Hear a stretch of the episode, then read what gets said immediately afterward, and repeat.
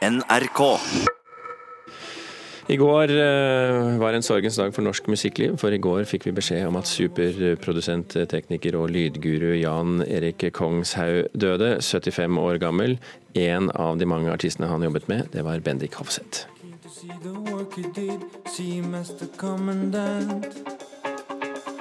Now and then we'd make a little trip. As strange it may seem, a partnership. He'd take me to the mountains to see big, tall waterfalls. Can you imagine how I felt? Bendik Hofseth med oss på linje fra Kristiansand. Eh, God morgen. God morgen. Hva er det vi hører her? Dette er en eh, plate som jeg gjorde i 1995 med Jan Erik Kongshaug bak spakene. Som heter, eh, låta heter 'Waterfall', og plata heter 'Planets, Rivers and Ikea'. Og, og hva er det med akkurat denne låten som gjør at du plukket ut den når vi skulle snakke om Jan Erik Kongshaug? Det som er litt morsomt med den, eh, den her eh, Vi satt og, og spilte inn da, i Jan Eriks store studio på Grünerløkka i Oslo. Og så eh, er det ganske langt ute i låta, ikke så langt fra der du er nå, litt lenger tror jeg. Så kommer det et enormt bom i hele, i hele studio. Så spør jeg hva verden er det som skjer, Jan Erik? sier jeg til Jan Erik. Så sier han jo, det er, det er Jon Christensen som spiller trommer her, da. Det er Jon Christensen som, som, var, som spilte på basstromma for første gang. Så det er ett basstrommeslag på denne låta, og det, det var et skjellsettende slag for meg. Men hvorfor, kan du forklare, kom artister fra hele verden til Rainbow Studios for eh, å få litt av tryllestøvet til Jan Erik Kongsheim? Det var fordi han var eh, Han hadde den eh, kompositten som veldig gode lydteknikere og, eh, og produsenter skal ha. Han var en veldig behagelig person som det var enkel å forholde seg til. Han jobbet i det stille og var alltid veldig godt forberedt. Når du kom inn i studio, så sto mikrofonene der de skulle, og det tok veldig kort tid å komme i gang. Og han hadde fantastiske ører. Han var jo en veldig god og erfaren musiker selv.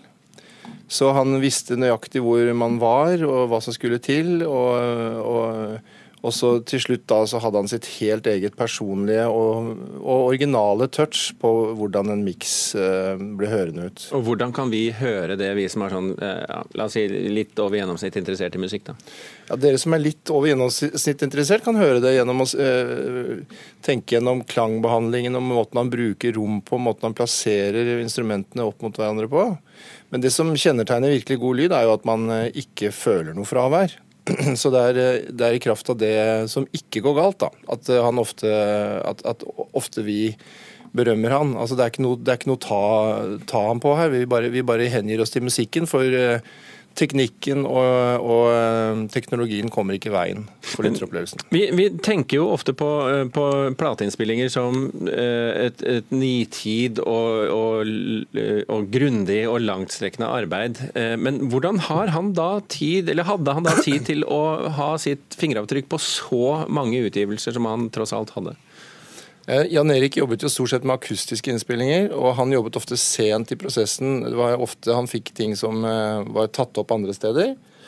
Eh, Så det, det var live, live innspillinger både av- klassisk musikk og, og jazzmusikk. I hvert fall senere i karrieren var det stort sett det han drev med. Tidlig så jobbet han jo med Arne Bendiksen og gjorde popmusikk på 60-tallet.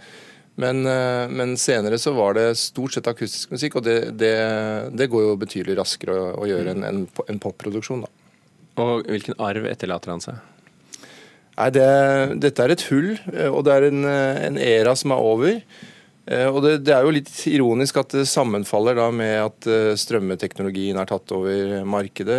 At konsumsjonen av musikk er eh, så annerledes som den er. Så om, om, om det er noen som kan ta opp denne hansken om, om, eh, eh, studioteknologien vil løftes til disse høyder igjen, det, det er jeg slett ikke sikker på. Ok, Bendik Hofseth, takk for at du var med oss her i Nyhetsmorgen. I anledning altså at lydguru Jan Erik Kongshaug døde i går. Skal fortsatt handle om uh, lyd. Det er over én million av oss som har behov for at programmer på fjernsyn blir tekstet, ifølge Hørselshemmedes Landsforbund. Og stadig flere får problemer med å følge programmer på TV dersom programmene ikke har undertekster.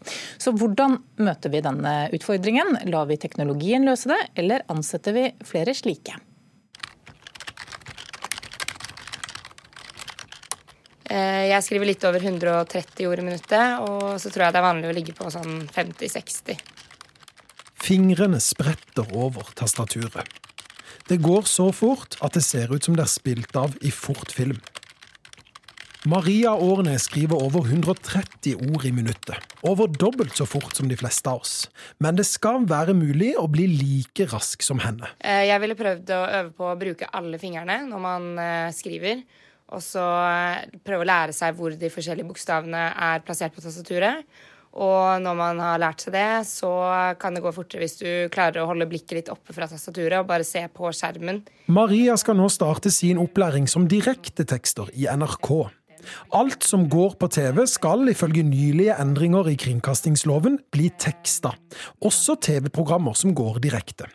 Tenk hvis du, i samme tempo som de snakker, skulle skrevet alt som blir sagt her. Nei da, han går innover lista, og se hvor mye krefter han har! Det er fem mann, han må telle nå! Oppe på fjerdeplass, forbi Mohammed. Det virker vanskelig. Men over én million nordmenn har behov for at dette skal bli teksta, ifølge Hørselshemmedes Landsforbund. Og flere kan det bli, sier generalsekretæren Henrik Persen.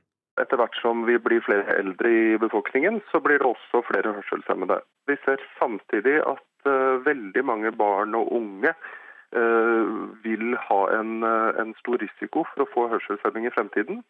Nett og, rett og slett pga. måten vi omgås lyd på i dag. Med bruk av hodetelefoner og høy musikk direkte på ørene. Tekstetilbudet har blitt bedre, men det er ikke godt nok, sier Persen. Det er helt klart et behov for mer teksting på TV enn det er i dag. Altså, vi er fornøyd når alt er tekstet. For oss er det jo et mål å få teksta alt som går direkte. Sier Fredrik Island Gustavsen, som jobber som direktetekster i NRK. Han understreker at nesten alt NRK sender allerede er tekstet. Automatisert teksting og automatisert talegjenkjenning er jo noe som er på full fart framover nå. For løsningen, slik at alle blir 100% fornøyd her, kan ligge i teknologien. Flere tjenester, bl.a. YouTube, tilbyr allerede automatisk teksting av det som blir sagt i videoer. Det er helt klart at det kommer til å komme inn hos oss også, på sikt. Sier Gustavsen. Men han påpeker noen utfordringer med denne teknologien. Eh, for oss i Norge, da, som snakker så mange ulike dialekter, så er jo det en utfordring. Vi har også to målformer, eh, som også en talegjenkjenning må skille mellom. Eh, og det som en automatisert gjenkjenning ikke kan ta inn over seg, og Da snakker vi kanskje mer om oversettelse enn om direkteteksting på samme språk. Det er jo typiske nyanser i språket, sånn som ordspill, humor, Reporter her, det var Christian Ingebretsen. Og dersom du vil se Maria, som vi hørte i reportasjen eh, på begynnelsen her, skrive over 130 ord i minuttet, så ligger det en video av dette på nettsidene våre, nrk.no eh, video. Men vi slipper ikke problemstillingen helt. Generalsekretær Henrik Persen i Hørselshemmedes Landsforbund, velkommen til Nyhetsmorgen. Takk for det. Vi hørte deg i reportasjen her, og dere mener altså at teksting på TV i dag ikke er bra nok. Eh, hvorfor ikke? Det handler eh, i stor grad om at eh, regelverket i dag eh, pålegger at alle de store kanalene skal tekste i såkalt primetime-TV mellom 18 og 23. Det er reglene i hovedtrekk. og Det er mange timer i døgnet hvor man ser på TV og hvor det går sendinger utover dette som da ikke er tekstet. Så Vi ønsker jo selvfølgelig at eh, alle programmer som går på TV skal ha tekst. Eh, rett og slett fordi det er veldig mange mennesker i Norge, en million nordmenn, som har en hørselshemming, og da har utfordringer med å følge dialogen og det som blir sagt i TV-sendingene. Ja, for Hvilke konsekvenser får det når hørselshemmede ikke får med seg det som blir sagt? Eh, jeg var faktisk på Stortinget med en eh, ung jente som har en hørselshemming, Amanda heter hun. og Hun beskrev eh, manglende tekst som at det var like vanskelig for henne å se norsk TV uten tekst, som det er for alle andre å se utenlandske programmer uten tekst. Og Det syns jeg er ganske godt forklarende. Det er rett og slett sånn at man mister innholdet i sendingen. Og da er det jo litt lite vits i å sitte og se på. Men Det er jo ressurskrevende å tekste alt som går på TV. Hvor går grensen egentlig?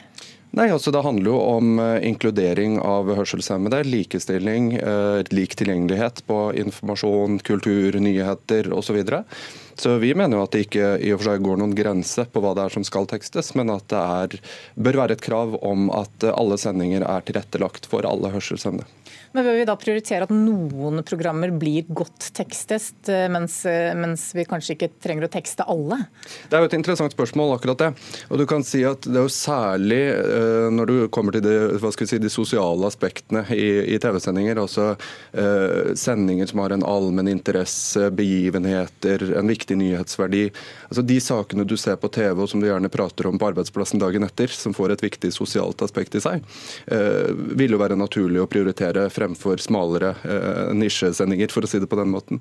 Men, men, igjen, ideelt sett, alle sendinger bør jo være tekstet, sånn at det er tilgjengelig for alle. Mm, det er ikke sikkert at alle 15-åringer eh, ser på Dagsrevyen f.eks., eh, mens de kanskje heller snakker om et reality-program som går på en annen TV-kanal. At det er det som er samtaleemnet i Storefri? Ikke sant, det kan du si. Eh, så, så når man kommer til denne debatten om, om hva som er gjennomførbart, så er det klart at i fremtiden, som vi hørte i forrige innslag med teknologi, så vil det jo bli gjennomførbart å få tekstet flere programmer, og antageligvis alle programmer til enhver tid.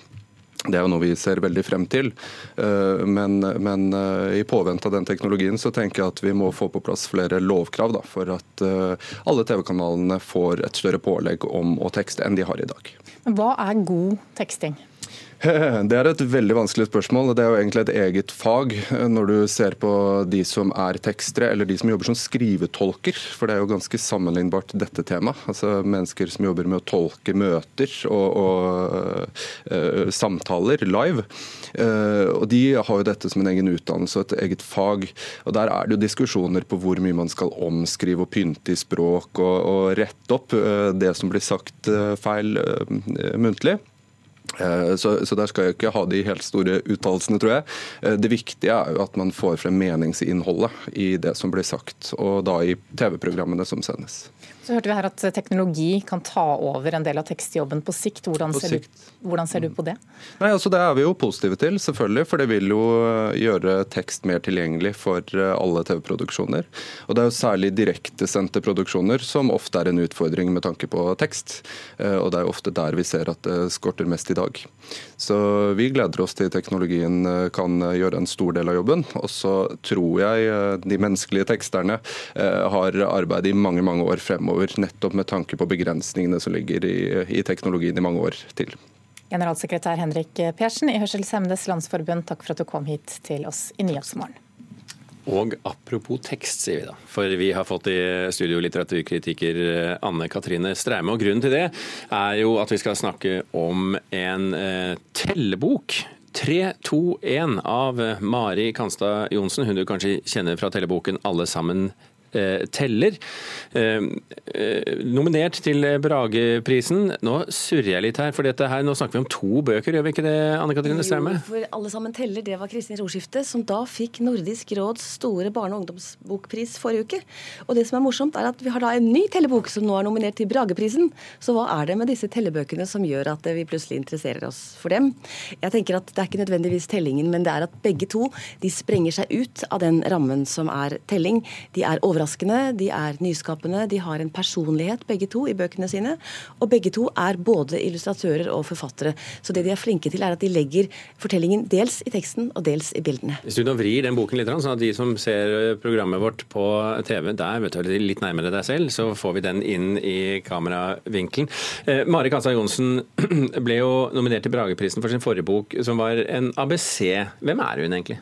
Hun er både illustratør, billedkunstner, Eh, hun har tegnet for flere aviser og magasiner.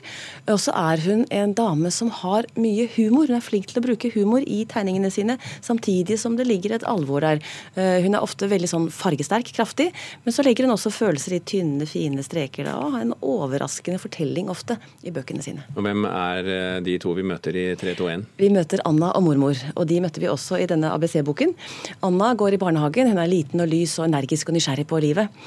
Mormor hun er ja, en eldre dame med alpelue, stripete genser, litt sånn høyvannsbukser. Ser ut som en fransk sjømann, egentlig. Ikke den mormoren vi er vant til å se som sitter i gyngestolen. Ja ja, det er en gammel tradisjon, eller klisjé det, da, med strikketøyet. Men denne mormoren hun er ganske bestemt og vil ikke gi Anna alt Anna peker på. Nå er det sommerferie. Alle de andre barna de skal til dyrehagen, de skal på lekebutikker, de skal på dyreferier. Anna skal være hos mormor. Det lyder kanskje ikke så spennende, men um, Anna og mormor de um, finner på noe spennende likevel. Fordi Anna ønsker seg så veldig en kosedyrkanin. Anna har ikke penger, så sier mormor ja, men du kan ha en sommerjobb. Du kan hjelpe meg å passe husene i nabolaget, for det skal mormor gjøre i sommeren. Og Da kan du tjene penger, så får du råd til dette kosedyret. Anna tar på seg jobben. I første huset så skal hun passe en slange. I andre huset så er det to kaniner. Tredje huset er det tre fugler. Fjerde huset er det fire tomater som skal vannes. Og i det femte huset så er det fem fugler. Det går bra til å begynne med, men så bestemmer Anna seg for at hun kan jo samle alle i ett hus. Og da blir det kaos. Ja, skal vi forstå det sånn at det ikke nødvendigvis i hvert fall en, et, et, stykke på vei ikke går så veldig bra, dette? Det går ikke så veldig bra. Men samtidig så kan jeg jo røpe at det går bra til slutt. Selv om ikke Anna kanskje blir så fornøyd som hun trodde hun skulle bli. Og mormor er ikke den som gir ved dørene. Eh, hun må ordne opp i dette kaoset som Anna skaper, da. Men det blir en, en happy ending, men annerledes enn det vi hadde forventet. Og det tenker jeg er morsomt med en barnebok, at du kan liksom sitte og en, bygge opp til en spenning. Det er en dramaturgi der og så skjer ikke det du forventer, men så blir det morsomt likevel. Og mye av humoren ligger nettopp i tegningene. Men er humor godt nok til å gå av med seieren eh, i, i, i Brageprisklassen? Hva var det for noe? Det var foreldre og voksne? Nei, det er bildebøker for barn og voksne. Ja, det er jo sjelden at man har begge deler i en og samme klasse. Den eh, voksenboken, det er Sult, faktisk. En, en nyutgivelse og illustrasjoner som eh, Martin Ernsten har laget av Hamsuns Sult. Og så er det tre da bøker beregnet for barn. Anna Fiske er jo også nominert med denne som heter Hvordan lager man en baby? Som kanskje er enda mer grensesprengende enn denne. Men dette er en veldig veldig fin tellebok, og det er en, en bok som gir oss lyst til å bla opp i den igjen og igjen. Du kan lete og finne nye ting i disse illustrasjonene. Så den, jeg vil si, den har en, en god sjanse.